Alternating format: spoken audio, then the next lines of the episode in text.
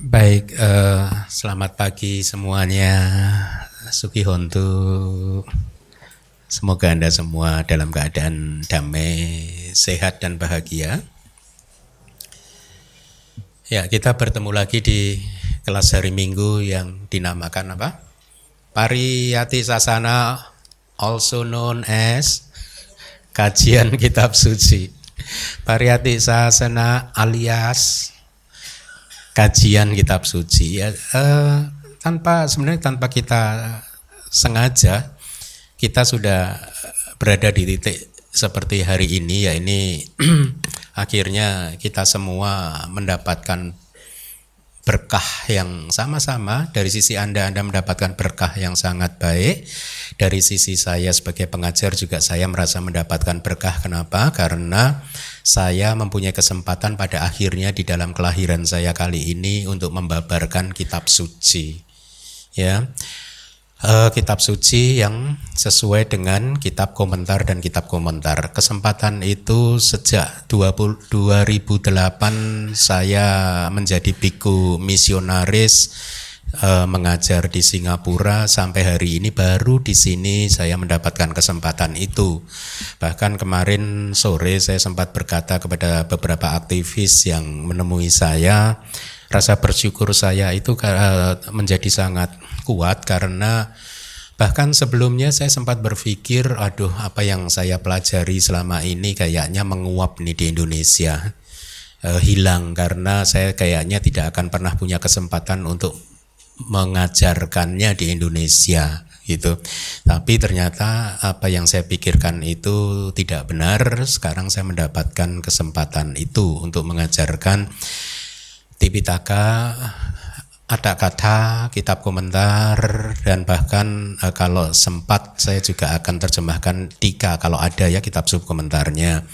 Di buku Suta yang kedua nanti yang mungkin bulan depan akan terbit saya sudah menerjemahkan kitab sub komentarnya bahkan ya e, tidak hanya kitab komentar tetapi juga kitab sub komentar sudah saya terjemahkan di beberapa suta yang akan terbit di buku nanti. Nah, e, beberapa waktu lalu kita kedatangan tamu Bante Asin Cakapala kan, ya kak. Saya dan beliau sempat berdiskusi panjang lebar.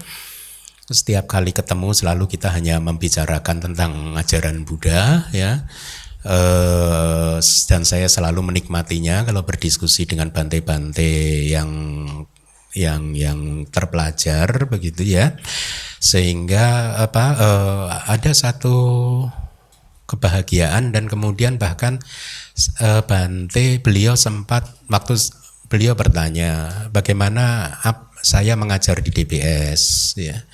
Kemudian saya katakan bahwa perkembangan sudah sedemikian rupa sehingga membuat saya sekarang bahkan diminta oleh murid untuk hanya mengajarkan Tripitaka, kitab komentar dan kalau bisa sub komentar kalau bisa ya karena sub komentar itu butuh waktu untuk menerjemahkannya. Ya, tapi kalau di dalam dalam bentuk buku biasanya saya akan berjuang untuk mencantumkan dari kitab sub komentarnya. Jadi tadi saya katakan bahkan beberapa dari aktivis meminta saya hanya mengajar seperti itu, tidak mengajar yang lain gitu, tidak mengajar dengan model-model yang tidak uh, ada referensi teksnya gitu. Dan pada waktu saya diminta begitu dalam hati saya saya bersyukur. Berterima kasih atas permintaan tersebut karena itu hal tersebut adalah hal yang relatif lebih mudah buat saya dibandingkan saya harus berceramah tanpa harus merujuk pada kitab suci. Kenapa mudah? Relatif lebih mudah buat saya karena saya tinggal menerjemahkan dan kemudian saya sampaikan kepada Anda. Sehingga saya terbebas dari pendapat-pendapat pribadi. Itu yang membuat saya menjadi ringan. Saya katakan kepada Bante, "Oh, saya ringan sekali, udah senang sekali diminta begitu." Bahkan mereka itu malah begitu loh, jangan Bante jangan jangan berceramah yang selain begitu. Sehingga beliau akhirnya agak sedikit surprise bahwa di uh, such a weak Buddhist country like Indonesia itu ada yang seperti ini gitu. Ya, itu yang beliau sama sekali tidak menduga. Sehingga bahkan waktu kita diskusi panjang lebar Bante sempat exclaim gitu, that is real Theravada gitu. Itulah Theravada ya seperti begitu itu Bante kitab suci Tripitaka kemudian dibabarkan sesuai kitab komentar loh ya. Ma maaf kitab komentarnya guru-guru ya, bukan komentar Anda. kitab komentar yang sudah ada sejak ribuan tahun yang lalu diterjemahkan dan kitab subkomentar. Nah, itu menurut Bante Pala that is the real apa the the the, the pure Theravada gitu. Makanya beliau kan sempat berkomentar di media sosial kan bahwa nah, dia senang melihat melihat sistem begini kan karena tidak menyangka itu terjadi di sini begitu. Nah, saya menyampaikan ini untuk sebenarnya tujuan saya untuk membuat sada Anda meningkat ya eh, bahwa apa yang kita pelajari ini adalah berkah. Anda berkah ya mempelajari kitab suci. Saya sebagai pengajar itu pun juga mendapatkan berkah mengajarkan kitab suci. Ya buat Anda jangan ragu ya. Uh, memang untuk memahami ajaran Buddha butuh waktu, butuh proses. Tetapi waktu itu tidak 10 tahun, 15 tahun atau bahkan seumur hidup. Ya. Kalau sering kan kita melihat ada umat belajar atau kewihara seumur hidup sampai akhirnya tetap saja tidak memahami ajaran Buddha ada kan? Enggak harusnya mempelajari ajaran Buddha tidak selama itu. Seperti kita kuliah dulu loh. Kita kuliah dulu S1 berapa tahun? Anda berapa tahun lulus S1? Empat tahun lulus kan? Udah sarjana kan? Sebenarnya sama juga. Belajar ajaran Buddha harusnya empat tahun Anda lulus sarjana. Sekarang DBS sudah tiga setengah tahun, berarti setengah tahun lagi Anda di wisuda. Jangan datang lagi ke sini. Oh, udah lulus loh. Karena kalau Anda datang saya harus mengajar. S2 ya? Dosennya berubah ganti dosen S2. Nah, maksud saya begini, belajar tetap butuh proses ya. Ada empat tahun, lima tahun Anda pelajari, tetapi anda yang sudah ikut tekun mengikuti DBS setiap hari Minggu selama tiga setengah tiga tahun setengah ini terakhir ini, coba Anda renungkan dan jawab pertanyaan saya, apakah Anda sudah mulai mendapat gambaran tentang ajaran Buddha? Harusnya sudah, kalau belum berarti Anda mahasiswa abadi. Jadi belajar ajaran Buddha tidak butuh waktu panjang harusnya ya. Tetapi sebenarnya shortcut jalan paling singkat untuk memahami ajaran Buddha adalah abidama. Minta maaf saya kalau mengatakan begini ya. Anda banyak yang nggak mau abidama kan, tapi saya provok apa saya ini teruslah. Siapa tahu di kehidupan setelah ini nanti Anda suka abidama. Kehidupan setelah ini lahir lagi jadi manusia tiba-tiba ah abidama abidama abidama. Oh cari guru abidama. Nah gitu kan?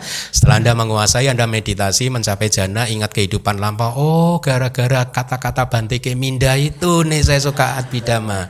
Jadi ada tujuannya saya menguraikan begitu. Nah kembali lagi kita kelas minggu ini disusun sedemikian rupa sehingga menjadi polanya adalah mempelajari kitab suci uh, semurni mungkin ya, tapi yang dikupas sesuai dengan kitab komentar dan kitab uh, subkomentar ya.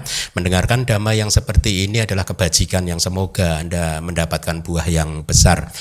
Baik, mari kita masuk ke materi. Kelas kita pagi hari ini adalah kelas yang terakhir di Suta Asi Wiso Pamak Suta dari Sang Yuta Nikaya ya. Kalau atau bahasa Indonesianya adalah perumpamaan tentang ular. Ada yang menerjemahkan perumpamaan tentang ular berbisa, tetapi saya terjemahkan jadi seperti ular saja ya, supaya singkat. Nah, saya akan coba meringkas dan Anda uh, mohon merefresh memori Anda dan uh, renungkan bahwa ternyata suta ini berbicara tentang kita kan ya? Tentang kondisi yang dialami oleh siapa pun kita yang lahir di dalam samsara. Samsara itu apa sih? Siklus kelahiran dan kematian. Yang berada di dalam satu siklus kelahiran kematian kelahiran kematian kelahiran. Itulah samsara ya. Siapa pun yang berada di dalam siklus kelahiran dan kematian seperti ini tidak ada yang bisa lolos dari serangan empat ular ber bisa, tidak ada juga yang bisa meloloskan diri dari kejaran lima pembunuh. Tidak ada yang bisa meloloskan diri, ya semua puduk jana yang bisa lolos dari nandi raga, ya puduk jana, ya. Kalau Arya dia bisa meloloskan diri pelan-pelan, arahat sudah lolos, ya. Tapi puduk jana siapa pun tidak akan pernah bisa lolos dari nandi raga, yaitu sahabat karib dengan pedang terhunus. Nandi raga. Nandi itu adalah kesenangan.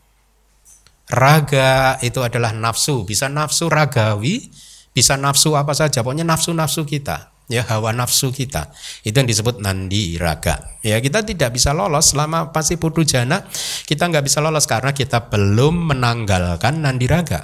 Kita belum menghancurkan nandi raga. Kita masih punya nandi raga. Ya. Nah, dari semua ini tadi yang saya sampaikan kita harus memahami bahwa mereka semua ini membuat kita ini sebenarnya menderita ya sering berhadapan dengan bahaya ketidakberuntungan dan lain sebagainya. Tidak hanya sahabat karib dengan pedang terhunus yang sewaktu-waktu bisa memenggal kepala kebijaksanaan kita, kita juga terancam terus oleh gerombolan perampok desa.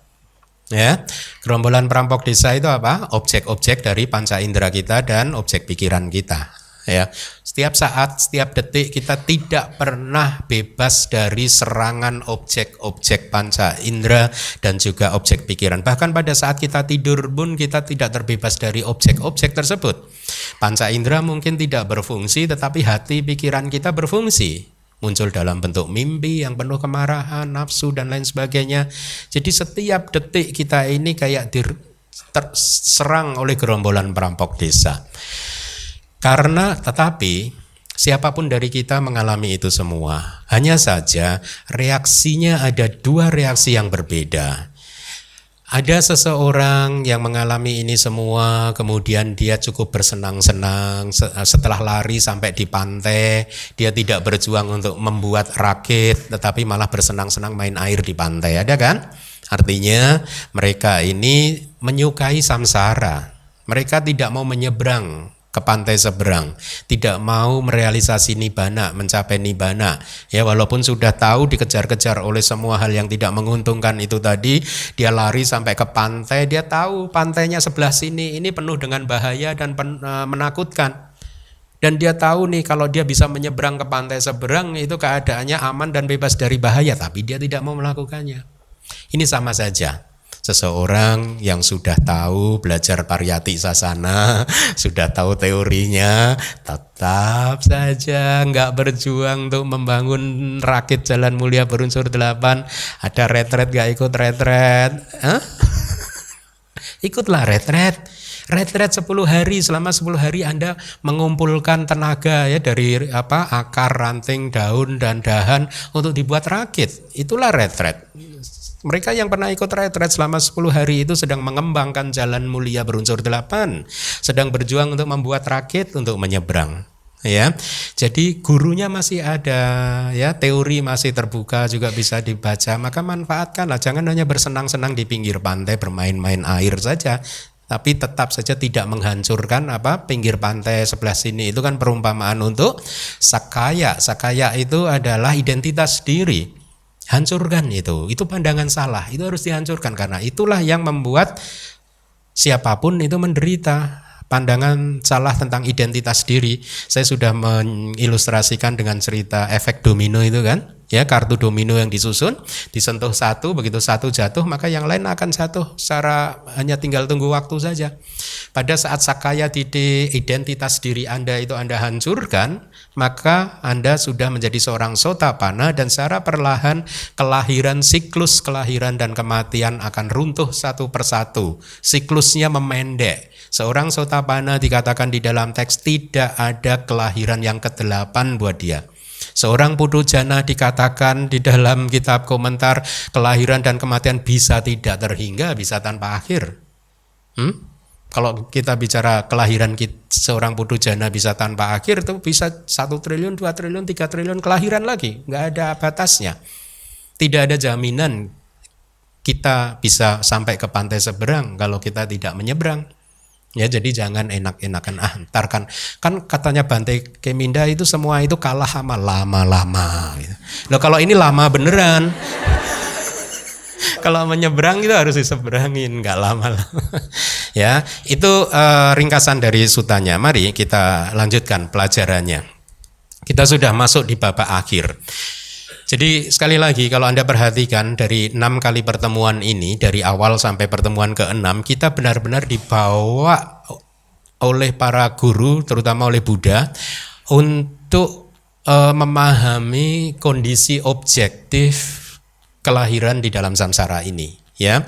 Dari dikejar-kejar oleh empat maha buta unsur-unsur dasar yang besar dan seterusnya sampai kemudian kita sudah sampai di pantai seberang nih eh belum belum di pantai sebelah sini nih lalu kita mau apa ada dua pilihan mau main-main air Hah?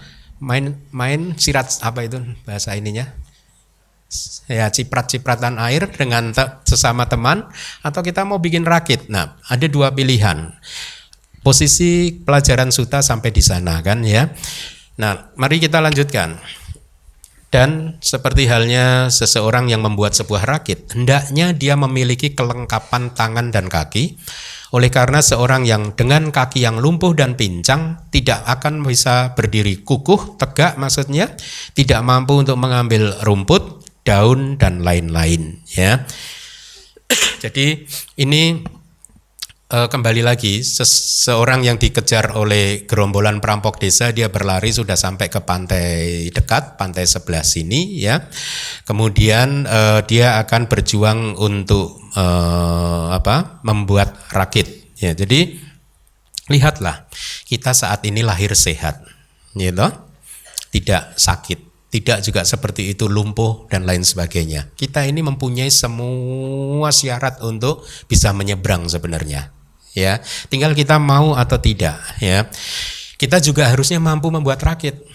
Kenapa? Ikut retret mampu toh. Anda juga berada dalam keadaan ekonomi yang baik. Kalau tidak mau retret di Indonesia, Anda pergi ke luar negeri, retret langsung ke master-master di luar negeri sana bisa Anda. Itu adalah proses membuat rakit ya Anda mempunyai kemampuan itu ya inilah tadi malam juga sempat saya singgung di penutupan kelas abidama saya menekankan kepada para murid bahwa tujuan kita belajar agama Buddha ini ya Anda harus ingat tidak lain dan tidak bukan adalah mengembangkan jalan mulia berunsur delapan. Tapi jalan mulia berunsur delapan harus dikembangkan di atas dasar pariyati ya mengembangkannya dengan cara pati-pati tapi pati-pati itu fondasinya pariyati. Ya, itulah tujuan umat Buddha. Jadi kita harus mengembangkan jalan mulia berunsur delapan yang tidak lain dan tidak bukan adalah sila, samadhi, banyak. Jadi syarat pertama kita sebagai umat Buddha harus kokohkan sila kita. Itu tujuan kita, bukan yang lain. Dan itu juga tujuan kelahiran sebenarnya bahwa kita lahir lagi sebagai manusia, tujuan kita harus mengakhiri kelahiran. Ya, karena samsara ini ya seberapa hebat pun Anda, seberapa suksesnya Anda di dalam samsara ini, Anda tidak akan bisa lolos dari empat ular berpisah dan seterusnya itu tadi.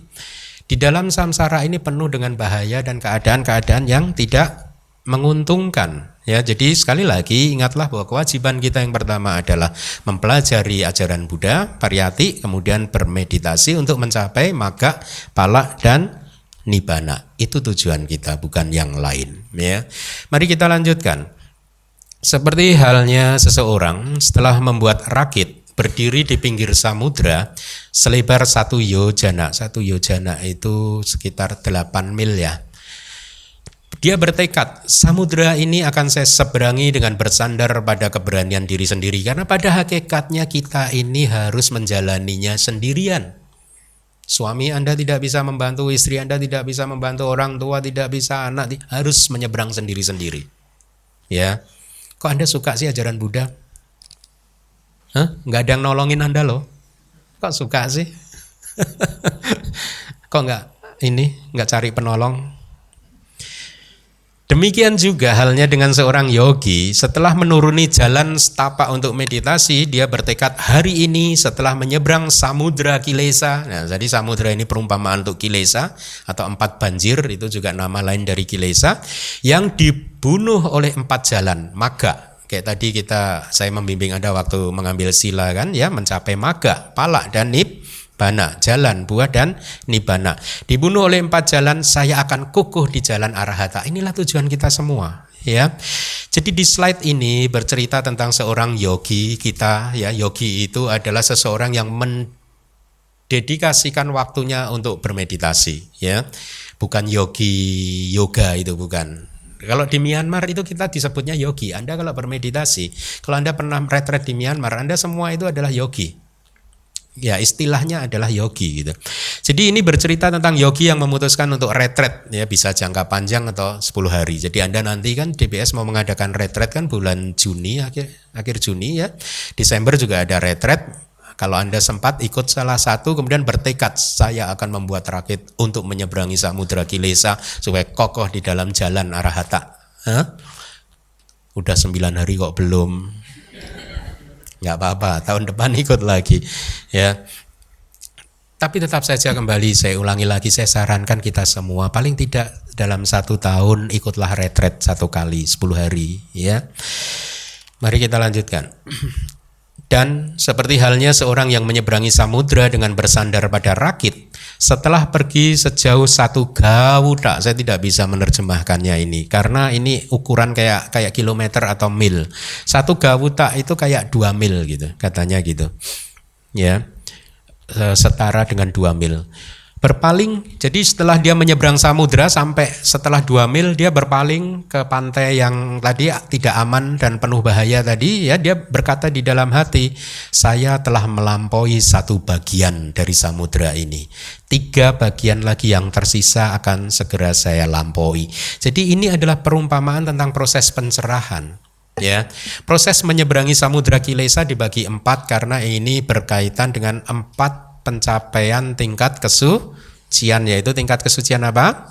Sotapana terus, sakadagami terus, anagami terus, sarahata. Nah, di masing-masing uh, tahapan pencerahan ini ya, yogi atau siapa pun yang berhasil mencapainya, dia mengikis kilesa, seperempatnya udah dikikis sudah dihancurkan. Makanya di sini diberi perumpamaan dia sudah berlayar selama satu eh, sepanjang satu gawuta ya uh, saya telah melampaui satu bagian, tiga lagi yang tersisa ya masih ada. Karena ini berkaitan dengan proses pencerahan, berarti ini adalah cerita tentang seorang yang sudah mencapai tingkat kesucian sota pana ya. Setiap kali seseorang mencapai pencerahan ya, mencapai maga dan pala ya, setelah proses kognitif maga, apanawiti, proses kognitif absorpsi jalan ya yaitu kemunculan maga dan pala, jalan dan buah yang mengambil nibana sebagai objek.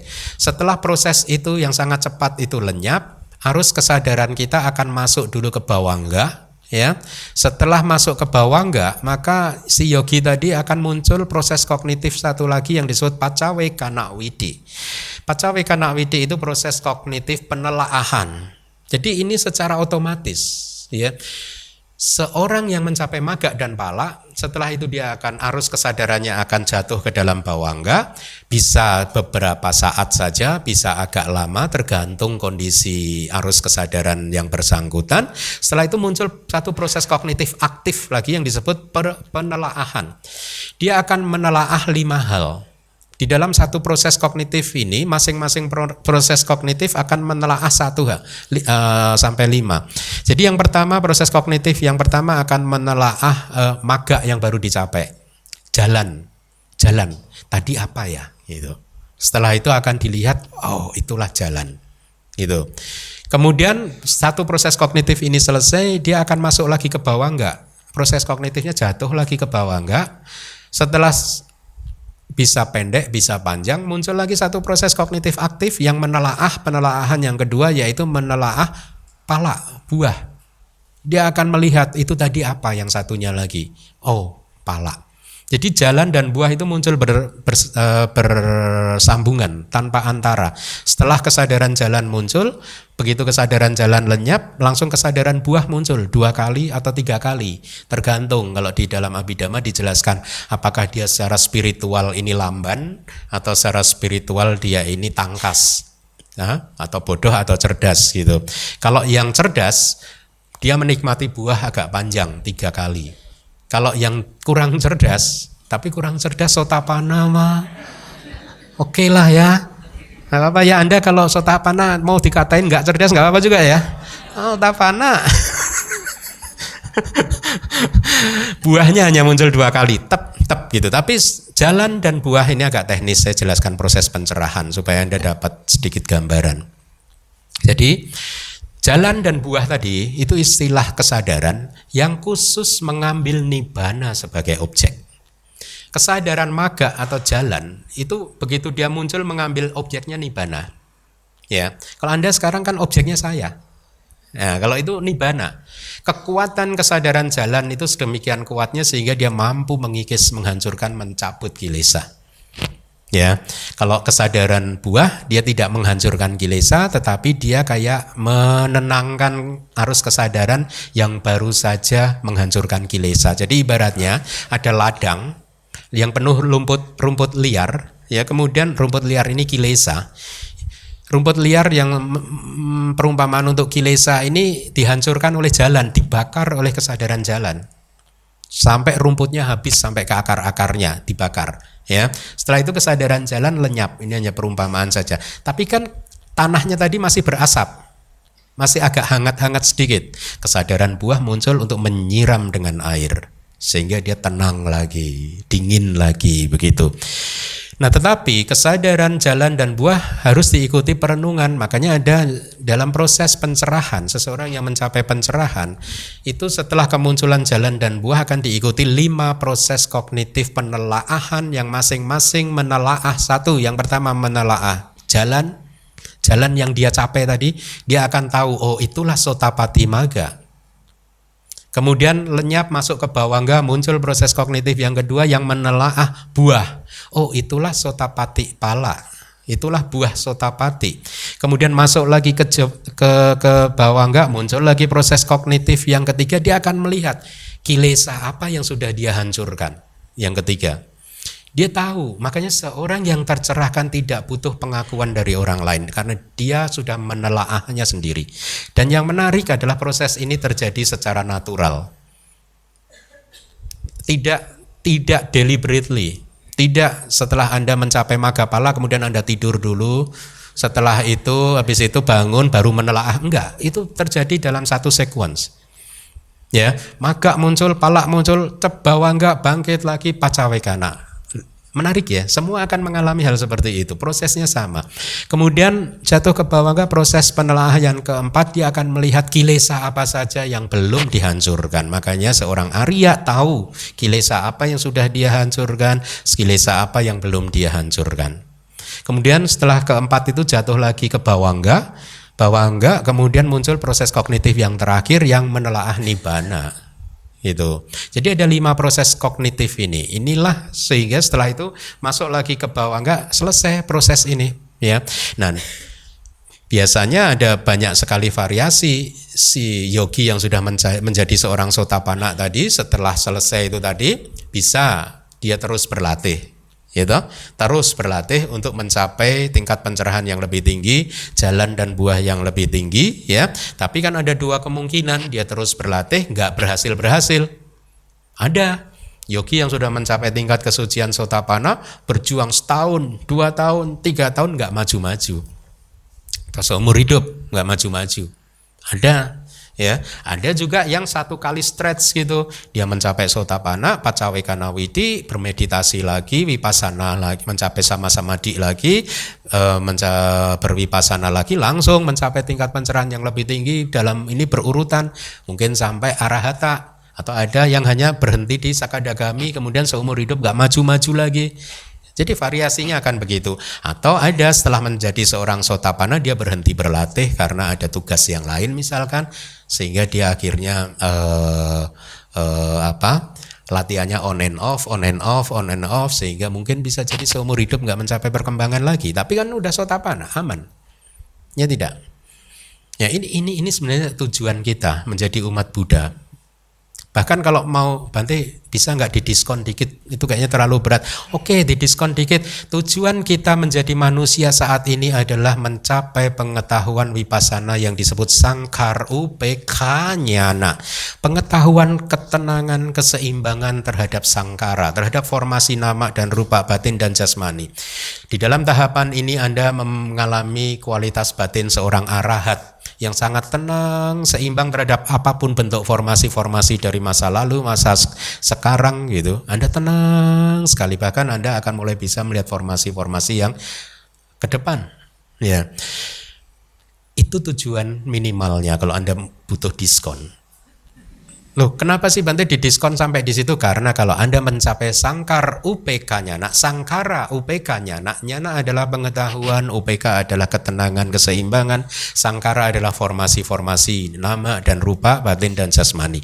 Kalau Anda mencapai tingkat pengetahuan itu, merealisasi itu di dalam meditasi Anda, Anda dijuluki sebagai seorang cula sotapana, sotapana junior, sotapana kecil, ya belum sotapana tapi masih junior Lalu signifikansinya apa Bante? Seorang cula sotapana karena pencapaiannya yang sudah sangat tinggi, cukup tinggi seperti itu, di dalam kelahiran setelah yang sekarang ini, dia tidak akan lahir di empat apa ya?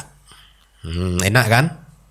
Kalau putu jana masih mungkin lahir di empat apa ya. Cula sotapana tidak bisa. Tapi bonusnya satu kali lagi, satu kali saja. Anda lahir lagi ke alam manusia, lanjutkan lagi perjalanan Anda. Ya, kalau ingat. Ya. Kan enak main-main di pantai kan? Ya enggak? Selfie, selfie di pantai. Mari kita lanjutkan. Dalam cerita ini, Yogi tadi terus berlayar. Dia tidak berhenti di seperempat perjalanan saja. Dia pergi, setelah pergi sejauh satu gawuda, lebih jauh lagi, dia pergi lebih jauh lagi, ya, dan dia berpaling lagi, memandang lagi, dan dia kemudian mengetahui, saya telah melampaui dua bagian, dua lagi yang masih tersisa. Ini adalah perumpamaan untuk seseorang yang mencapai tingkat kesucian sakadagami, ya setelah menjadi seorang sakadagami dia melakukan proses penelaahan seperti itu tadi. Oh, dia tahu bahwa dia sudah menjadi seorang sakadagami dan dia tahu kilesa mana saja yang sudah dihancurkan atau belenggu mana saja yang sudah dihancurkan dan dia tahu belenggu mana saja yang belum dihancurkan. Makanya dia bisa berkata seperti ini saya sudah berjalan dua gawuta atau dua bagian. Masih ada dua bagian lagi. Hmm? jadi ini sebenarnya hebatnya para guru masa lalu itu menggunakan perumpamaan-perumpamaan. Karena kan seorang bante, seorang biku, seorang guru tidak boleh bercerita tentang tentang pencapaiannya. Maka dia menggunakan simbol-simbol seperti ini. Ya. Jadi ini bercerita tentang pencapaian sakadagami Yogi tadi bermeditasi terus, akhirnya dia mencapai satu gawuda lagi dan dia berpaling, saya telah melampaui tiga bagian, satu bagian lagi yang tersisa. Ini adalah perumpamaan tentang pencapaian tingkat kesucian apa? Anak anagami ya. Jadi tinggal satu lagi. Kemudian setelah melampaui itu juga berpaling dan memandang dia mengetahui empat bagian telah saya lampaui. Dan setelah melangkahkan kaki keluar dari rakit tersebut menyibakkan arus yang menghampiri keluar dari air dan dia berdiri di pantai. Pantai mana ini? Pantai seberang. Dia adalah seorang arahat. Ya. Nah, saya akan jelaskan kenapa samudra kilesa ini dibagi menjadi empat bagian tadi sudah saya sampaikan karena berkaitan dengan tingkat pencapaian tingkat kesucian ya. Nah, di dalam uh, teks baik itu di Sutanta ataupun di Abhidhamma ya proses penghancuran kilesa itu juga sering ya uh, diceritakan kilesa disebut sebagai sang yojana. Anda sudah pernah dengar kan pasti sang yojana. Sang yojana itu belenggu ya, istilah Pali, belenggu. Di dalam kitab komentar diberi perumpamaan kalau di zaman modern yang namanya sang yojana atau belenggu itu seperti borgol polisi itu loh, maaf ya. Borgol polisi itu kan ada dua kan? ya biasanya kan yang satu itu diikatkan di pergelangan tangan maaf ya kriminalnya penjahatnya katakanlah dalam hal ini ini kan perumpamaan jadi yang satu diikatkan di sini yang satu diikatkan ke tempat lain sehingga seseorang yang diborgol seperti itu kan dia berputar-putar ke mana nggak bisa jauh dari tiangnya kan Ya tidak. Nah, sang yojana itu seperti itu. Kita ini juga mempunyai jangan jangan tersenyum ketawa loh penjahat di di borgol. Lah kita juga ini, kita ini penjahat nih. di borgol di dalam samsara ini ya. Karena kita sering melakukan kejahatan yang disebut ki lesa. Nah, sang yojana itu juga mirip perumpamaannya seperti itu. Ya, Sang Yojana adalah belenggu yang membelenggu makhluk ke dalam samsara. Jadi ibaratnya kita ini dibelenggu satu, kemudian yang satu di kunci di samsara. Sehingga ke mana pun kita lari mau berputar-putar ke arah mana pun kita tetap saja tidak bisa jauh dari samsara. Arti tidak bisa lepas dari samsara. Makanya tadi saya katakan sesukses apa Anda, kaya apa Anda, setinggi apa pendidikan Anda ya, tingkat sosial status Anda setinggi apa pun tetap saja tidak bisa lepas dari samsara dan selama ada di samsara itu ada bahaya dan banyak sekali ketidakberuntungan. Coba Anda renungkan kehidupan Anda. Banyak kan sebenarnya ketidakberuntungan yang sudah kita alami? Hmm? Ada yang tahu bahwa itu ketidakberuntungan, ada yang tidak tahu bahwa itu ketidakberuntungan. Banyak sekali. Seringkali kita hati kita dihancurkan oleh kilesa, kedamaian hati kita dihancurkan oleh kilesa-kilesa kita kan. Itu pun adalah ketidakberuntungan, ya. Nah, kembali lagi, di dalam teks-teks kita baik Sutanta maupun Abhidhamma dikenal adanya 10 sang yojana, 10 belenggu, ya. Uh, ada model Sutanta, ada model Abhidhamma, tapi saya akan kelompokkan 10 belenggu ini ke dalam lima bagian yang pertama dan lima bagian yang kedua. Nomor satu sampai lima ini disebut sebagai orang bagia sang yojana, yaitu belenggu bagian bawah. Kenapa disebut belenggu bagian bawah? Karena selama kita belum berhasil menghancurkan belenggu satu sampai lima, maka makhluk itu terikat di alam yang bawah. Alam yang bawah adalah alam lingkup indriawi. Empat alam apa ya? Neraka, peta, asura, binatang. Alam manusia termasuk alam bawah. Dan juga eh, kemudian enam alam surga. Ya, jadi inilah alam bawah. Kalau Anda ingin lolos dari alam bawah untuk bisa lahir di alam atas, maka Anda harus putuskan, patahkan lima belenggu yang bawah. Ya, Lima belenggu yang terakhir nomor 6 dan nomor 10 disebut udang bahagia sang yojana atau sang yojana belenggu bagian yang atas. Karena apa? Karena mereka membelenggu makhluk untuk tidak bisa lepas dari alam bagian atas. Alam bagian atas itu alam Brahma materi halus, alam Brahma non materi. Ya. Jadi 10 sang yojana itu begitu. Lima yang pertama yang membelenggu makhluk sehingga dia tidak bisa keluar dari alam lingkup indriawi. Alam bawah itu yang pertama adalah sakaya didik. Pandangan salah atau didik sang yojana. Pandangan salah tentang identitas diri yang minggu lalu sudah saya sampaikan. Itu belenggu yang harus dihancurkan. Kalau dia hancur maka yang dua lagi hancur yaitu wicikica, keraguan-raguan hancur. Belenggu atau keraguan-raguan sebagai belenggu hancur. Anda sudah tidak ragu lagi terhadap kehebatan pencerahan sempurna yang dialami oleh Buddha. Anda tidak ragu lagi terhadap Dhamma, Tipitaka, kitab komentar, kitab subkomentar. Anda tidak ragu lagi terhadap Sangga karena mosok hanya saya yang tercerahkan emang Sangga 200 juta nggak ada. Kayak yang cerita dulu itu kan ya. Anda nggak ragu lagi karena Anda pun sudah mengalaminya. Ya, sehingga keyakinan Anda udah nggak bisa digoyang lagi. Ya, kalau Anda umat sebagai seorang sotapana, praktek Pancasila Anda kokoh. Anda tidak akan pernah seorang sotapana, umat sotapana tidak akan pernah bisa melanggar lima sila. Ya. Itu adalah belenggu yang kedua. Belenggu yang ketiga adalah sila batak paramasa. Sila batak paramasa itu adalah bentuk pelekatan terhadap ritus dan ritual. Hancur. Itu adalah belenggu. Hancur.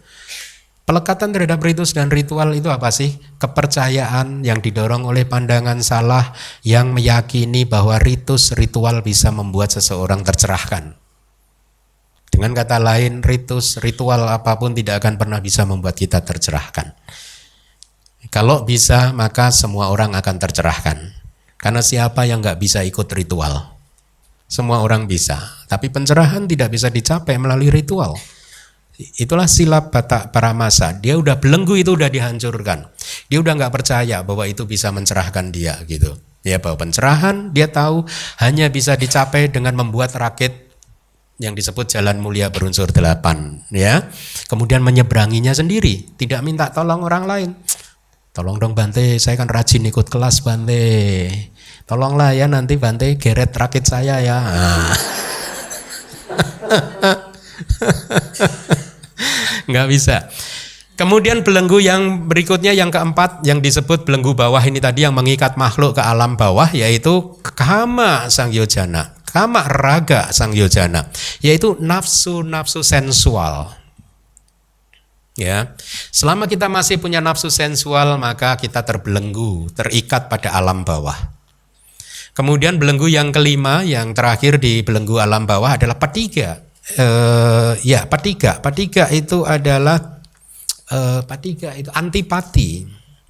Belenggu antipati. Hati kita sudah bebas dari antipati. Apa sih antipati? Antipati itu pokoknya nggak setuju aja.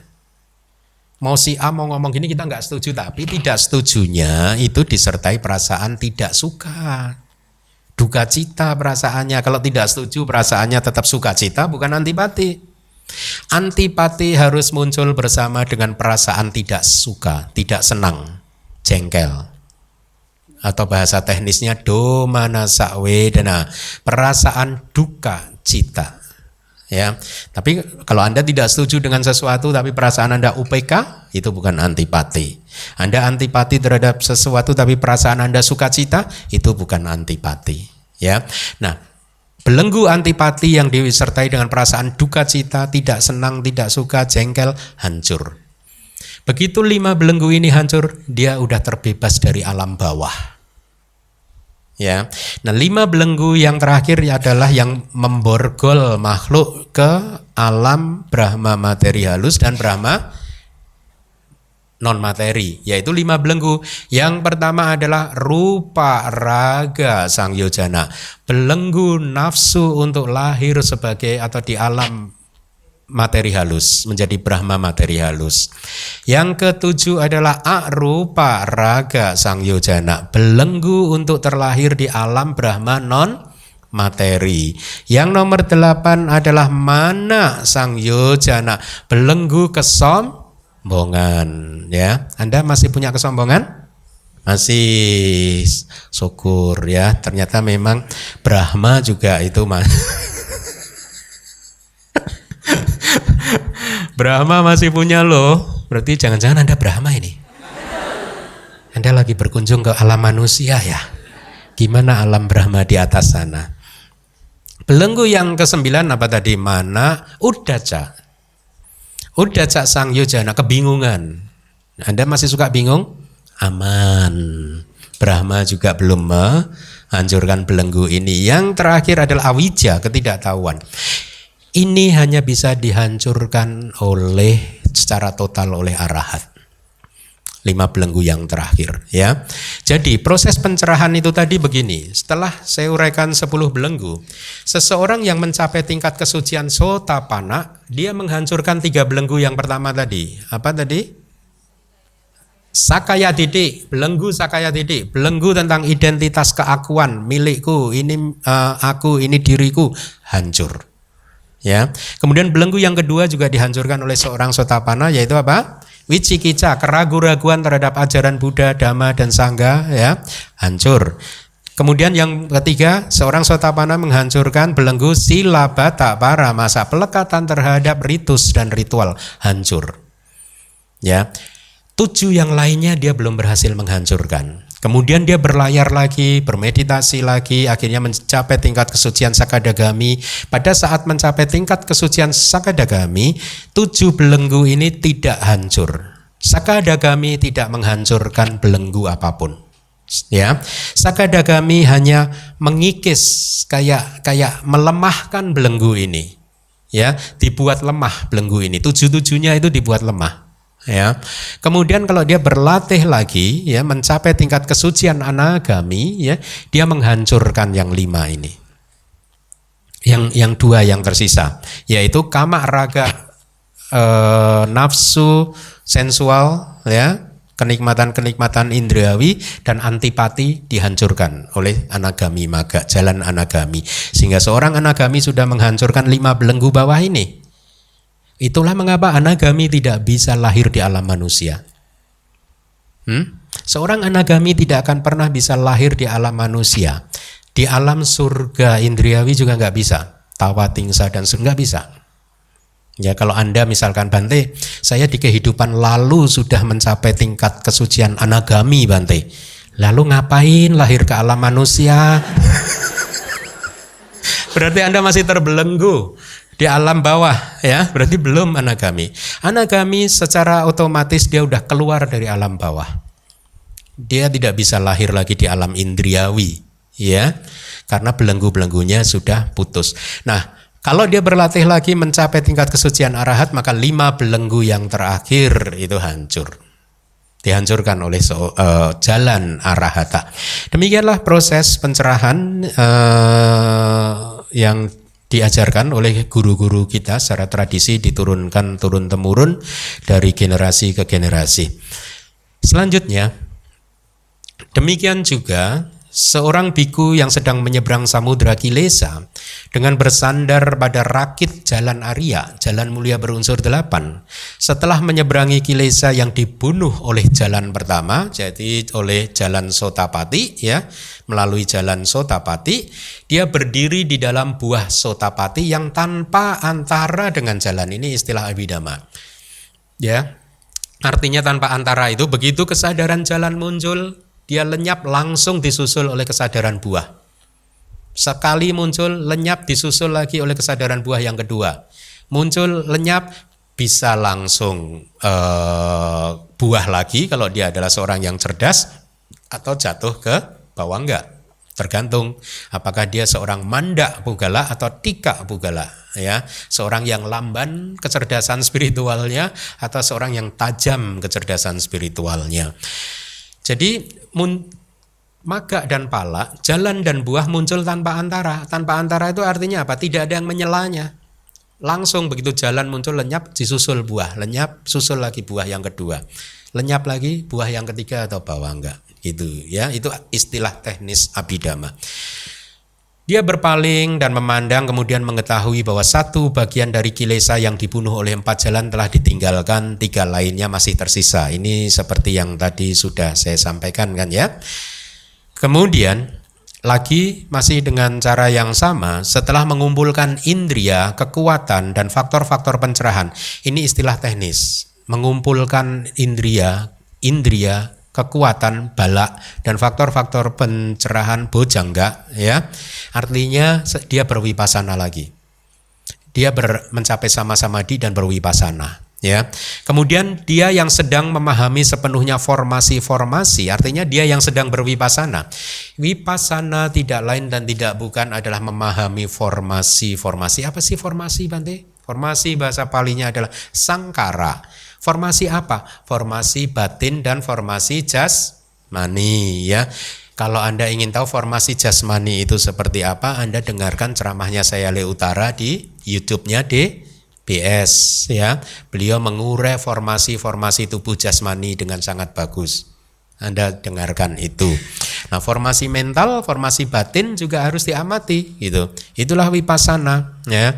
Jadi dia yang sedang memahami sepenuhnya formasi-formasi baik itu tubuh jasmani dan juga batin menyeberangi kilesa-kilesa yang dibunuh oleh jalan kedua yaitu jalan apa?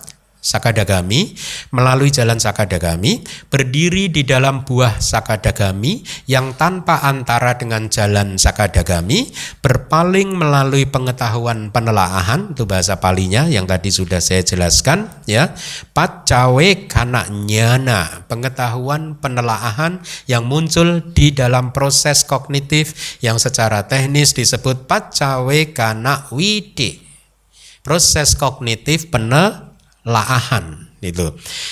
Jadi lihat mereka yang sedang bermeditasi baik untuk mencapai konsentrasi benar sama-sama dia atau berwipasana, dia mengembangkan indria balak dan bojangga, indria kekuatan dan juga faktor-faktor pencerahan. Jadi Anda yang retret kemarin ya, ikut retret DBS selama ini, Anda itu selama retret sedang berjuang mengembangkan ini semua. Ya uh, ada yang sudah mulai berkembang, ada yang banyak variasinya, tapi apa pun kita harus mengembangkannya. Ya. Kita lanjutkan. Kemudian dia memandang dan memahami dua bagian dari kilesa-kilesa yang dibunuh oleh empat jalan telah saya tinggalkan. Artinya apa? Bahwa semua kilesa itu dibunuh oleh empat jalan secara berurutan, secara gradual, secara bertahap. Jalan pertama, kedua, jalan ketiga, dan jalan keempat gitu. Jadi dua lainnya masih tersisa. Berarti ini seorang apa? Sakadagami. Kemudian lagi masih dengan cara yang sama setelah mengumpulkan indria, kekuatan atau bala dan faktor-faktor pencerahan atau sambo jangga atau bojangga saja, dia yang sedang memahami sepenuhnya formasi-formasi artinya dia yang sedang berwipasana akhirnya bisa menyeberangi kilesa-kilesa dengan uh, kemunculan maga dan pala ya dibunuh oleh jalan ketiga melalui jalan anagami ya. Jadi proses ini sudah tadi saya jelaskan di awal. Berdiri di dalam buah yang tanpa antara dengan jalan, berpaling melalui pengetahuan penelaahan ya. Jadi waktu dia menyeberangi samudra mencapai satu gawuda, kemudian dia berpaling itu ibaratnya adalah proses kognitif penelaahan, pacawekana widi atau di sini pacawekana nyana pengetahuan pacawikana ya karena ini berkaitan dengan 16 pengetahuan wipasana. Teknis nama teknisnya adalah pacawikana nyana, pengetahuan penelaahan. Dia memandang dan memahami tiga bagian dari kilesa-kilesa yang dibunuh oleh empat jalan telah saya tinggalkan, satu lagi masih tersisa. Berarti dia adalah seorang anagami. Lagi masih dengan cara yang sama, setelah mengumpulkan indria, kekuatan dan faktor-faktor pencerahan artinya mengembangkan ini semua ya. Dia yang sedang memahami sepenuhnya formasi-formasi atau dia yang sedang berwipasana, menyeberangi kilesa yang dibunuh oleh jalan keempat melalui jalan arahata, berdiri di dalam buah yang tanpa antara dengan jalan, berpaling melalui pengetahuan penelaahan, dia memandang dan memahami semua kilesa telah saya tinggalkan. Ini adalah ekspresi seorang a rahat. Seperti halnya dengan seorang laki-laki yang setelah menyeberang dan menghanyutkan rakit tersebut kembali di arus samudra. Ini nanti ada suta yang sedang saya terjemahkan. Suta tentang rakit juga bagus. Di suta itu dikatakan begini. Bagaimana menurut kamu wahai para biku, seseorang yang sudah berhasil menyeberang dengan bantuan rakit, ya? Tadi ini, tapi ini suta yang berbeda ya, bukan di sini. Bagaimana menurut kamu para biku? Seseorang yang sudah berhasil menyeberang samudra samsara tadi dengan rakit, begitu sampai di pantai seberang. Kalau seandainya dia angkat rakit itu, saking menghormatinya rakit ini dihormati ini telah membuat saya terselamatkan menyeberang samudra, saya harus jaga ke mana pun saya pergi. Apakah dia seorang yang bijaksana? Tidak, ya. Lalu apa yang harus dilakukan para biku? Hah? Apungkan lagi samudra, kirim lagi ke pantai seberang supaya ada orang yang bisa menyeberang ke sini. Itu yang harus ini kan. Itulah kemudian Buddha mengatakan jangan melekat kepada dhamma. Rakit ini harus dilepaskan lagi. Damang biwo bikawe pahataba pakewa adamang. Wahai para biku bahkan dhamma pun harus Anda tinggalkan. Rakit pun harus Anda tinggalkan. Bahasa palingnya gitu. Damang piwo bikawe bahataba. Wahai para biku. Bahkan dama pun harus ditinggalkan. Pagewa adamang. Apalagi yang harus dikatakan untuk yang bukan dama. Dama saja nggak boleh kita lekati. Hmm? Maka kalau Anda ada misalkan ada seseorang yang menyinggung perasaan Anda, menyinggung agama Anda, menyinggung agama Buddha, ya ingat-ingat nasihat Buddha. Damang piwo bikawe bahataba Pagewa Damang. Makanya bagus sekali kan ungkapan-ungkapan Buddhis yang dulu ada seorang Medan yang wiharanya kebetulan rusak, donaturnya ekspresinya apa? Oh bersyukur saya dapat kesempatan untuk berdana lagi. Ya enggak? Bukannya malah marah-marah, karena nasihat Buddha adalah damang biwo bikawe pahataba. Dhamma saja harus kita tinggalkan. Dhamma saja harus kita tanggalkan. Rakit tidak boleh kita angkat, kita lekati, kita gotong ke mana-mana. Lepaskan. Ya, jadi mulai sekarang Anda jangan tipis telinga. Ya, dia menjelek-jelekan agama Buddha loh Bante gitu. Kan agama Buddha bukan Anda yang dijelek-jelekin.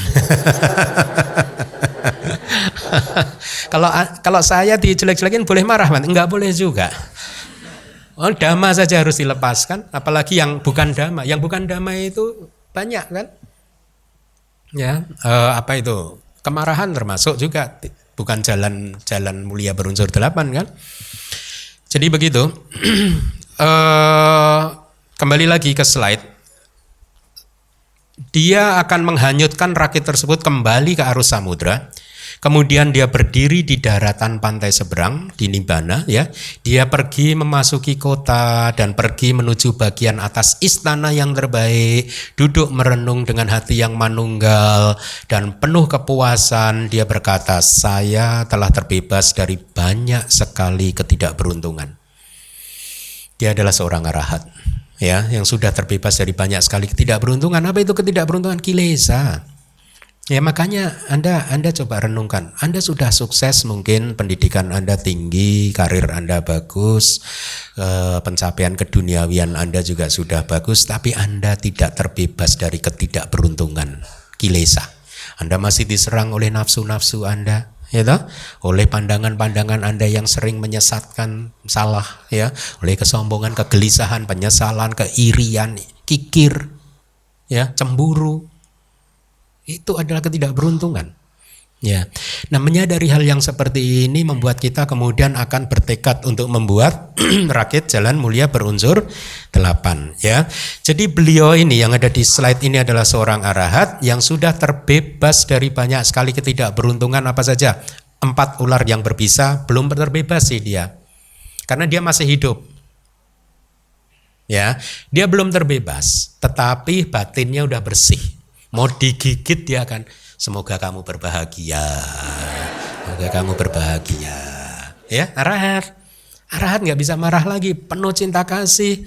Mau digigit ular elemen tanah, air, api atau apa pun, kalau ada 8 elemen, 8 elemen, ada ada sel, ayo datang semua, dia akan memaafkannya dengan penuh meta. Penuh cinta kasih, sangat positif sekali, nggak apa-apa. Karena dia masih hidup. Makanya arahat itu yang masih hidup.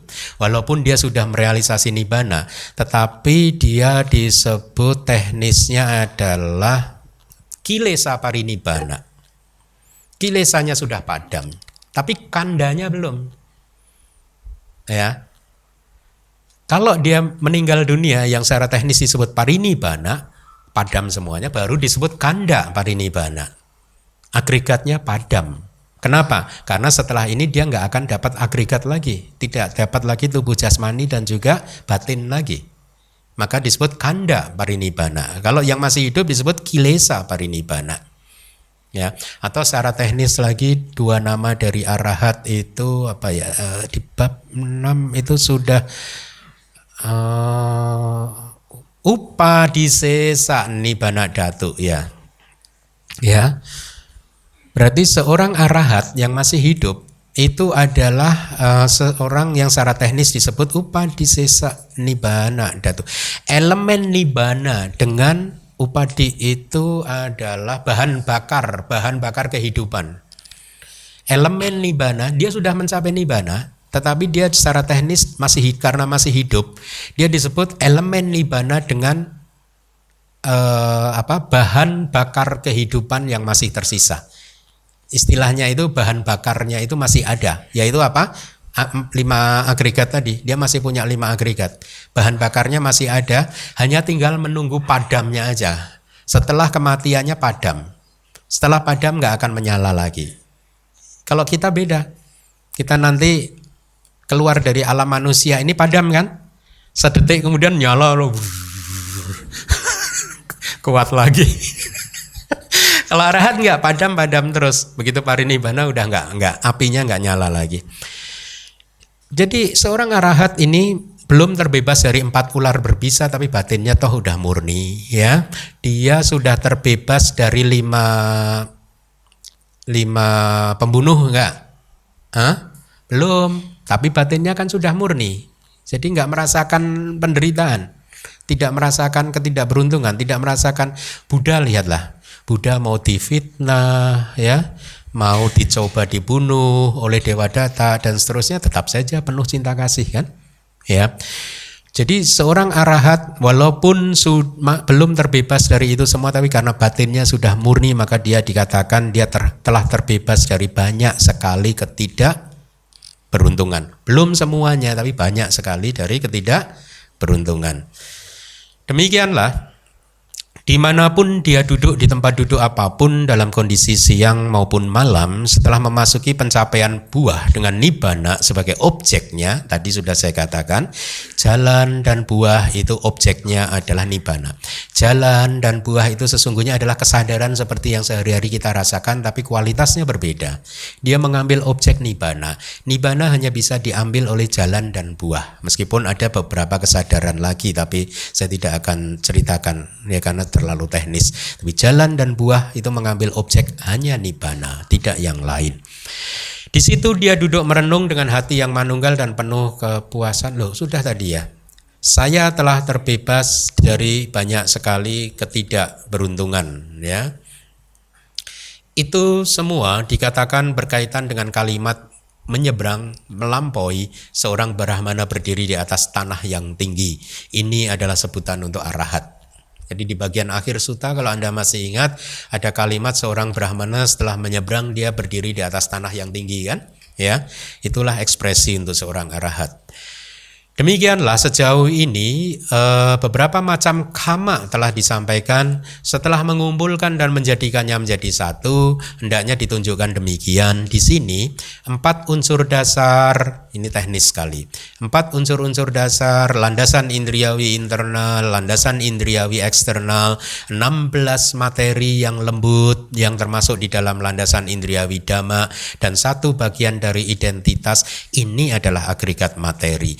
Jadi slide ini sesungguhnya memberikan petunjuk kepada kita ya untuk memahami dari semua suta yang sudah diuraikan mana sih yang termasuk agregat materi rupa kanda Ya, tentu saja ini harus direalisasi melalui meditasi. Anda harus mengamatinya langsung melalui meditasi, tidak dibaca begini saja untuk dihafalkan.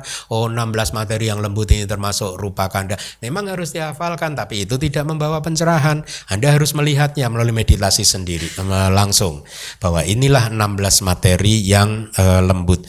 Jadi sebenarnya kalau menurut Abhidhamma, materi itu ada 28 jenis ya rupa itu ada 28 individu rupa ya dari 28 individu rupa itu bisa salah satu klasifikasinya adalah dikelompokkan jadi materi yang kasar dan materi yang lembut ya kalau tadi dikatakan materi yang lembut itu ada 16 berarti materi yang kasar berapa anak-anak Coba yang belakang materi yang kasar berapa? 28 dikurangi 16 berapa anak-anak? Lu Anda udah tahu loh ya materi yang kasar. Ada berapa? 12. 12 materi itu adalah materi yang kasar. Yang mana saja? 5 materi transparansi. 5 materi panca indera katakanlah. Sensitivitas mata trans, atau transparansi, sensitivitas telinga, hidung, lidah dan tubuh itu materi kasar. Dan objeknya masing-masing. Objek dari indera mata itu materi kasar. Objek dari indera telinga adalah suara adalah materi kasar. Semuanya ada tujuh. Loh, Panca inderanya hanya ada lima kok objeknya tujuh sih Bante. Hah? Karena objek mata itu satu, objek telinga itu satu, objek hidung satu, objek lidah satu, objek sentuhan tubuh ada tiga. Apa saja tiga itu? Tiga itu adalah tiga dari unsur dasar kecuali elemen air. Berarti apa saja? Yang belakang?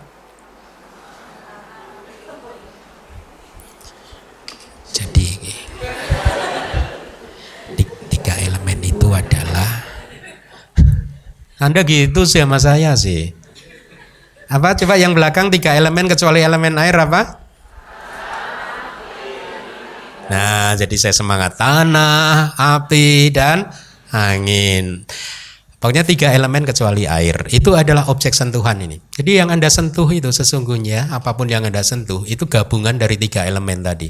Enggak elemen airnya tidak ada. Nah tadi dikatakan ini semua yang ada di slide itu adalah agregat materi atau rupa kanda. Di slide ada dikatakan satu bagian dari sakaya. Apa itu satu bagian dari sakaya? Seperti yang sudah saya sampaikan, sakaya didi adalah menganggap ada diri di dalam lima agregat ini, ada di dalam atau yang menguasai dan lain sebagainya. Jadi di dalam lima agregat ini ada satu bagian yang menjadi rupa kanda, yaitu rup pakanda yaitu identitas yang menganggap bahwa tubuh jasmani ini saya. Itulah yang dimaksud di sini. Atau saya menguasai tubuh jasmani, ya, atau saya ada di dalam tubuh jasmani itu pokoknya yang berkaitan dengan tubuh, tubuh jasmani yang diidentifikasi sebagai aku itulah yang dimaksud satu bagian dari sakaya kemudian juga ada tadi satu bagian dari apa Hah? Landasan indriawi dhamma itu lihat tuh termasuk 16 materi lembut yang termasuk dalam landasan indriawi dhamma dan satu bagian oh enggak ya ya itu teknis sih oke. Kita lanjutkan. Berikut ini adalah empat agregat non materi. Setelah tadi mengidentifikasi agregat materi, sekarang yogi mengamati agregat non materi. Jadi inilah wipasana untuk melihat bahwa ternyata yang ada hanyalah agregat materi dan agregat non materi. Di luar dua campuran ini sudah tidak ada lagi fenomena, maka tidak ada lagi yang disebut saya, aku, diriku, milikku ya.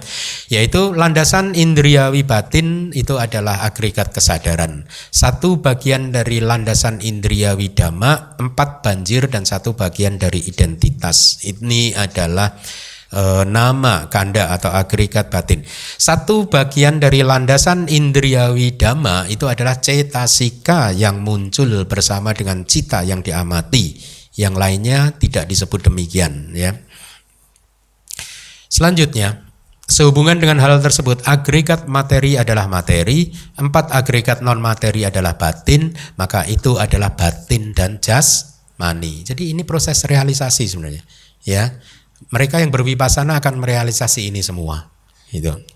Kemudian berikut ini adalah kondisi-kondisinya, artinya sebab kemunculannya, yaitu kesenangan dan hasrat banjir kenikmatan indriawi, banjir eksistensi, satu bagian dari landasan indriawi dhamma yaitu cetasika-cetasika dan satu bagian dari identitas yaitu e, nama ya. Jadi di sini dengan demikian dia memastikan batin dan jasmani beserta kondisi-kondisinya. Kan saya sudah pernah menyampaikan kan pada saat seseorang berwipasana kalau dia mencapai satu latihan wipasana secara penuh dan mencapai tingkat kesucian, maka dia ini dikatakan telah mencapai 16 pengetahuan wipasana. Dari 16 pengetahuan wipasana, ini tadi yang disebutkan baru dua yang pertama. Oh, susah ya Bante. Baru dua, yaitu nama rupa pariceda nyana, pengetahuan untuk memisahkan, membagi, menarik garis perbedaan ini nama dan ini rupa. Pengetahuan yang kedua adalah mengetahui kondisi-kondisinya apa sih yang menyebabkan nama rupa ini muncul? Kondisinya apa sih? Ya ini yang ada di layar. Itu baru pengetahuan wipasana nomor satu dan nomor dua. Berarti masih ada berapa lagi? Banyak ya.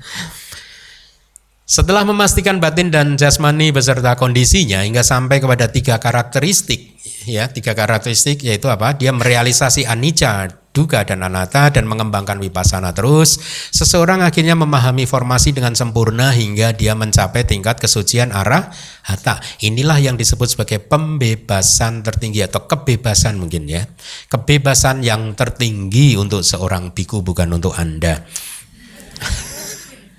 Enggak lah, kalau Anda biku itu juga berlaku kok untuk Anda kok. Enak ya berarti ya nggak usah pakai jubah, boleh menikah. ya. Tadi saya katakan ada 16 pengetahuan wipasana. Setelah yang kedua tadi, dia harus merealisasi pengetahuan wipasana yang ketiga yang disebut sama sana nyana. Sama sana nyana itu adalah pengetahuan wipasana untuk melihat bahwa segala sesuatu itu anicca, dukkha dan anatta. Jadi bahkan merealisasi anicca, dukkha dan anatta itu baru pengetahuan wipasana yang ketiga. Ya, setelah ini matang biasanya prosesnya begitu. Dia akan mengamati terus sampai kemudian paham anicca, dukkha dan anatta. Kemudian secara perlahan-lahan sati, samadhi dan panyanya mulai menguat. Dia mulai bisa menembus lebih dalam lagi. Akhirnya dia masuk merealisasi pengetahuan yang keempat yang disebut udaya bayak nyana. Udaya bayak nyana itu adalah pengetahuan yang kokoh pemahaman yang kokoh bahwa segala sesuatu nama dan rupa itu hanyalah muncul lenyap, muncul lenyap, muncul lenyap. Ya, kalau ini kokoh maka secara bertahap dia akan merealisasi pengetahuan yang kelima yang disebut sebagai bangga nyana. Bangga nyana adalah pengetahuan terurainya nama dan rupa. Jadi dalam proses ini si yogi akan melihat setiap kali dia mengamati baik itu nama ataupun rupa begitu dia lihat terurai. Begitu dia lihat terurai. Begitu dia terurai kayak gelembung air gitu. Air hujan kalau di jalanan gitu kan suka ada gelembung.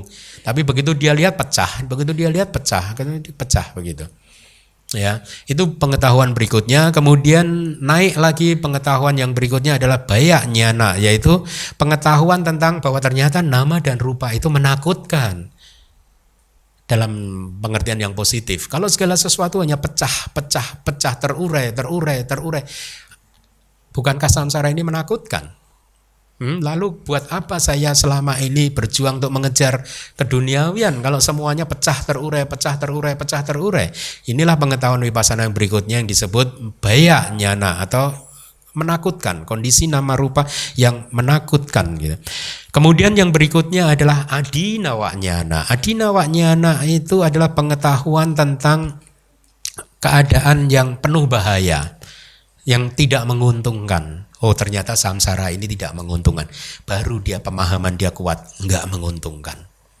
Tidak ada gunanya berlama-lama di dalam samsara. Anda yang masih menyukai samsara karena Anda belum merealisasi pengetahuan ini. Mereka yang sudah merealisasi pengetahuan ini tahu persis bahwa samsara ini penuh dengan bahaya. Samsara ini penuh dengan dhamma atau keadaan-keadaan yang merugikan.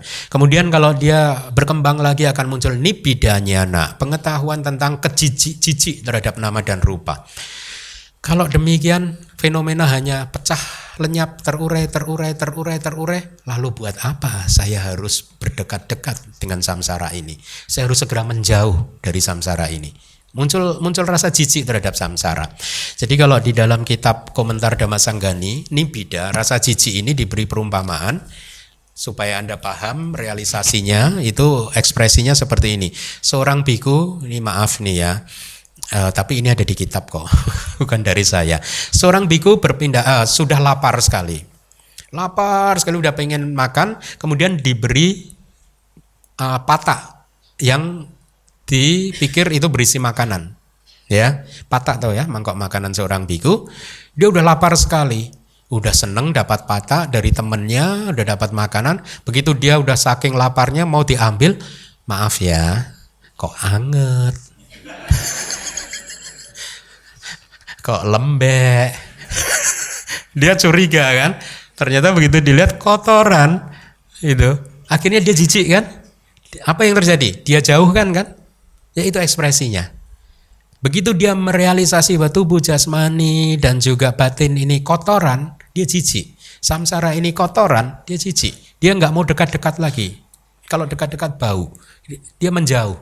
Dia mulai menarik diri dari samsara, berjuang keras untuk menyeberang lebih jauh, uh, menyeberangi samudra kilesa.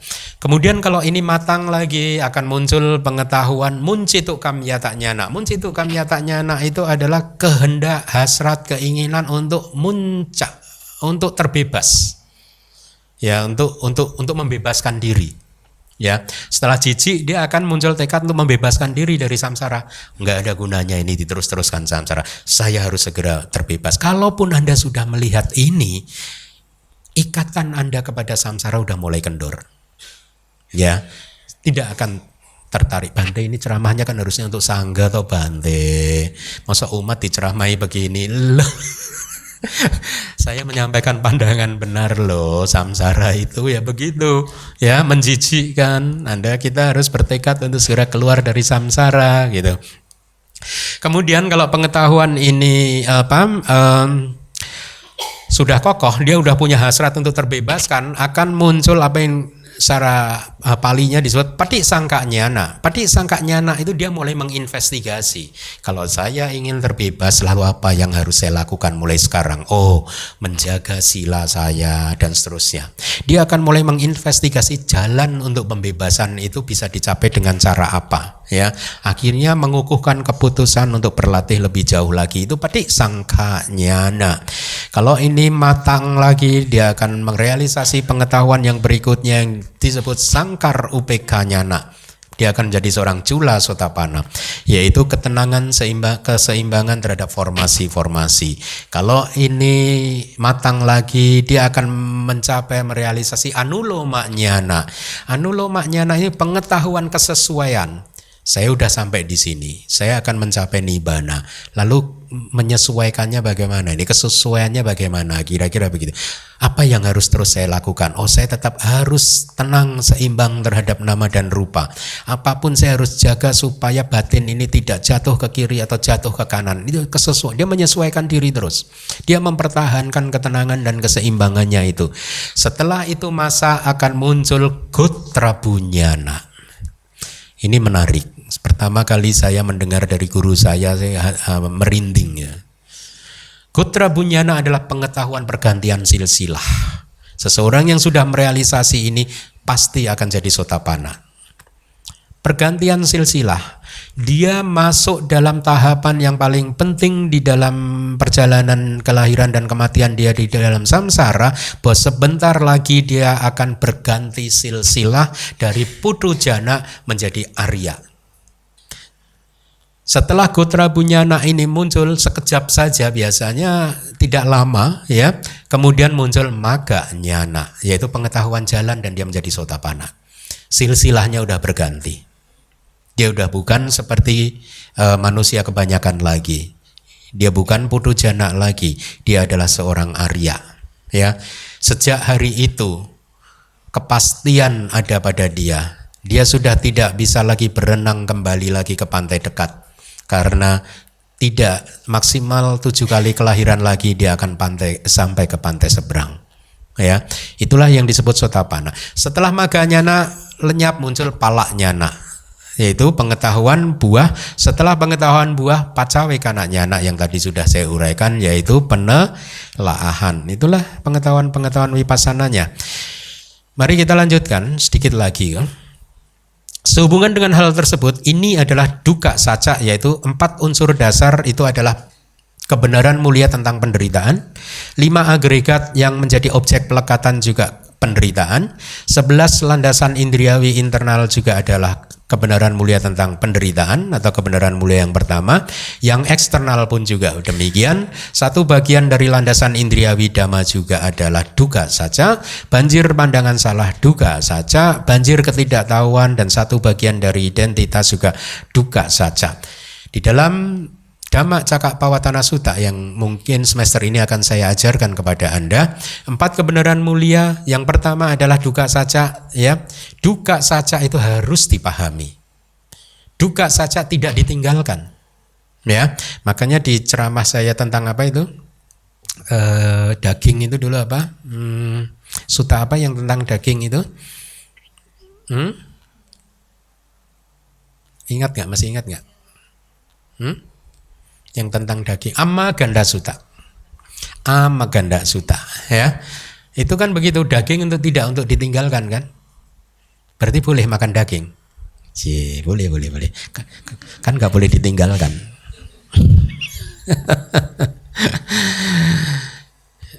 Ya sedikit lagi ini adalah kemudian samudaya saja jadi dikelompokkan ke dalam empat kebenaran mulia yaitu kesenangan dan nafsu harusnya ya kesenangan dan hasrat nafsu harusnya nandiraga. Satu bagian dari landasan indriawi dhamma yaitu e, cetasikanya. Banjir kenikmatan indriawi eksistensi dan seterusnya. Kemudian nibana yang merupakan sebutan untuk pantai jauh adalah niroda saja.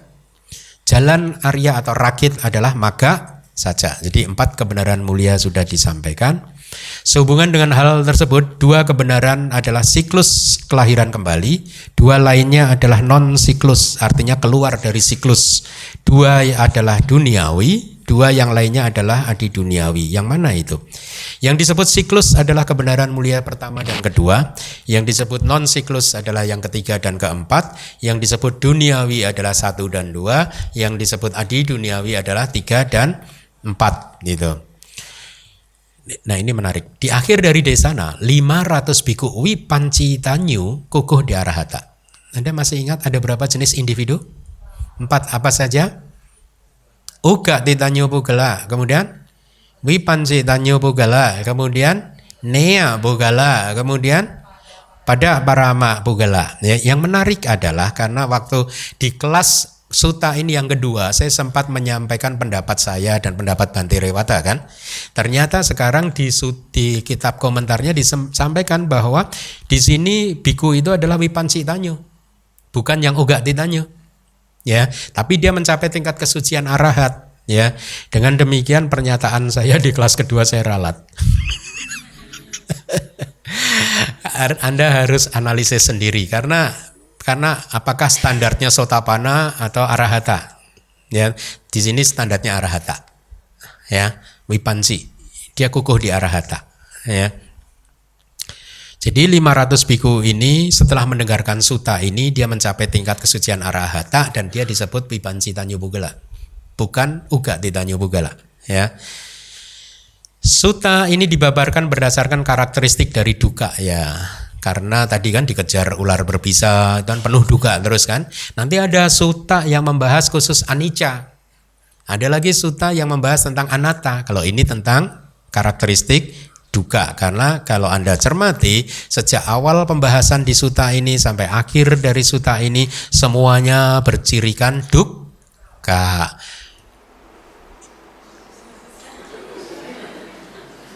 Kalau ini suka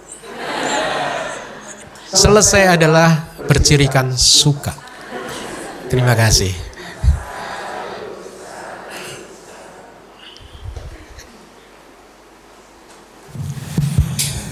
Sukioto Bante. Tadi Bante ada menyebutkan tentang uh, bawangga ya. Waktu itu juga saya kan waktu ikut Pak Baja diceritakan kalau seba, seorang putu jana bisa ke dalam uh, bawangga juga. Bisa tolong menjelaskan lebih lanjut apakah sebenarnya bawangga itu? Terima kasih. Baik, ini pertanyaan bagus. Karena di dalam meditasi bawangga sering muncul. Ya, maka Anda yang ikut retret ada baiknya mengerti tentang uh, karakteristik dan ciri dari bawangga. Bawangga itu terdiri dari dua suku kata Pali, bawa dan angga. Bawa itu kehidupan, angga itu faktor kehidup, faktor. Berarti bawangga artinya faktor kehidupan. Dia disebut faktor kehidupan karena dia merangkai satu kehidupan sejak kelahiran sampai kematian sehingga tidak putus. Ya, jadi dia yang merangkai, dia yang mempertahankan supaya tidak terputus. Ya, kenapa dia mempertahankan supaya arus rangkaian kesadaran kita itu tidak terputus? Karena di dalam setiap kelahiran kehidupan makhluk apa pun itu ada yang disebut proses kesadaran yang aktif yang mengenali objek pada saat melihat ini aktif, pada saat mendengar itu aktif, pada saat mencium aroma itu aktif, pada saat merasakan dengan lidah itu aktif, pada saat menyentuh itu aktif, pada saat berpikir itu aktif. Tetapi kehidupan semua makhluk itu tidak lain dan tidak bukan adalah proses yang intermittent, saling bergantian antara proses aktif dan pasif, aktif, pasif, aktif, pasif, aktif, pasif. Seperti tadi yang saya ceritakan, pada saat proses kognitif absorpsi maga, jalan dan buah muncul, itu aktif. Begitu ini sudah selesai, dia harus jatuh ke proses yang pasif dulu. Proses pasif ini bisa bertahan hanya satu detik saja atau kurang dari satu detik atau bisa lebih panjang tergantung. Rangkaiannya tidak ada rumusnya bisa pendek bisa panjang. Jadi rangkaian itu artinya begini ya. Ini istilah teknis dharma sih. Kontinuitas kesinambungan atau rangkaian. Uh, kita masing-masing ini sejak awal dari samsara yang sudah tidak bisa kita ketahui kapan, lama sekali di masa lalu kita ini mempunyai satu arus rangkaian kesadaran masing-masing. Anda punya satu arus rangkaian kesadaran sendiri, saya sendiri, yang lainnya sendiri, yang tidak bisa saling bercampur. Tidak bisa saling juga memberi atau menerima, tidak bisa. Ini rangkaian ini sudah baku. Anda punya satu rangkaian, saya punya satu rangkaian, semua punya satu rangkaian. Itu yang disebut rangkaian. Ya, rangkaian kesadaran. Yang melihat, mendengar, dan seterusnya. Nah, di dalam kehidupan di dalam samsara, di setiap kelahiran mana pun, kehidupan itu terjadi bergantian antara proses kognitif aktif dan pasif. Jadi contohnya tadi maga dan pala atau contoh sehari-hari. Sebenarnya saat ini Anda melihat ke arah saya dan mendengarkan suara saya kan? Anda yang tidak paham meditasi, tidak belum merealisasi melalui meditasi, tidak paham teori dhamma, mungkin Anda berpikir bahwa Anda melihat saya dan mendengar suara saya terjadi pada saat yang bersamaan. Padahal nggak sama loh. Untuk bisa melihat dan paham ini Bante Keminda dan memahami suara saya itu butuh proses yang kompleks. Tetapi karena dia munculnya sangat cepat sekali, munculnya lenyap sangat cepat sekali kan di dalam kitab komentar disebutkan di dalam satu jentikan jari satu triliun kesadaran muncul lenyap, muncul lenyap, muncul. Jadi sangat cepat sekali. Ya. Sesungguhnya yang terjadi pada saat Anda melihat dan mendengar suara saya itu pertama katakanlah muncul proses melihat ke arah saya melalui pintu mata. Ya.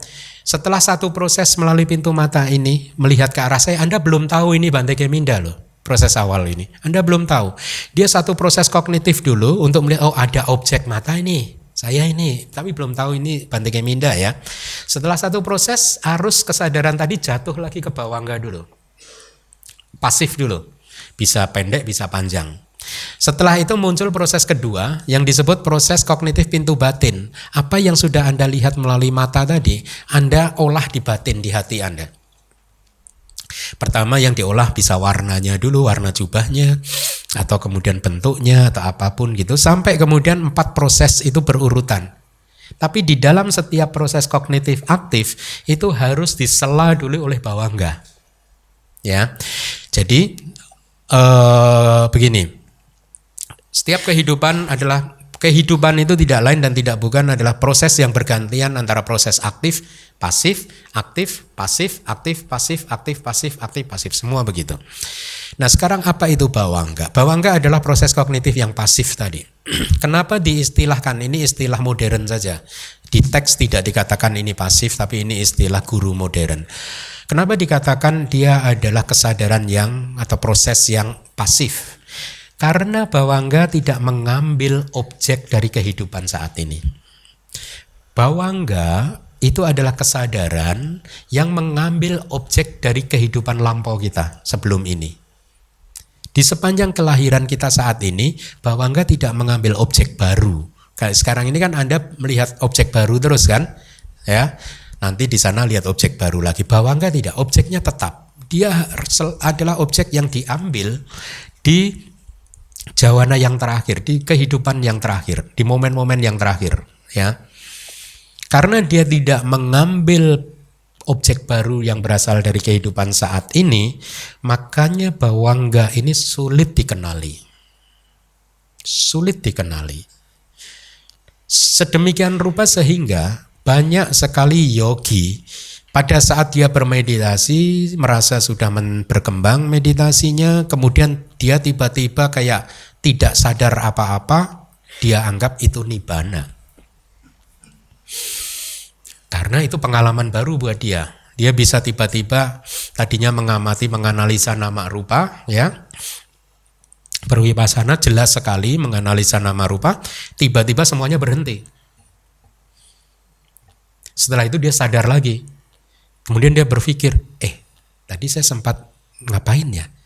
Tadi apa ya? Kok kosong ya? Banyak yogi yang terperangkap di sana. Di negara yang tempat saya berlatih dulu, banyak yogi yang keliru menginterpretasikan itu sebagai nibbana. Karena sedemikian lembutnya, sehingga bahkan meditator wipasana yang sudah cukup maju pun kalau dia tidak cukup berpengetahuan gagal mengenalinya. Sehingga banyak yang misled, keliru, ya. Dianggap itu nibana. Nah, di sini pentingnya guru secara skillful dia akan menyelidiki membantu ini, ya. Nah, eh, karena dia tidak mengambil objek baru sehingga yogi yang dia terampil akan keliru di mengidentifikasi itu sebagai nibana, ya. Eh, kalau di dalam teks itu untuk menggambarkan bahwa enggak itu seperti apa itu seperti seseorang yang tidur tanpa mimpi itu loh. Tidur sekejap itu loh. Kayak kayak kayak nap. Hanya sekejap saja napping begitu. Setelah itu dia sadar lagi. Tanpa mimpi. Nah itu di teks kita diceritakan itulah kira-kira bahwa enggak itu kayak begitu. Jadi tidak ada apa-apa gitu.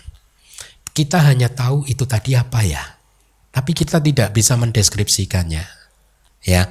Tetapi yogi yang terampil tahu dia akan analisis bawangga itu sampai kemudian secara perlahan-lahan dengan bantuan sati samadhi dan banyak objeknya kelihatan. Ya, pada saat objeknya kelihatan dia tahu oh ini adalah objek yang diambil di kelahiran sebelumnya. Maka dia akan mulai perlahan-lahan ingat akan kehidupan masa lampaunya.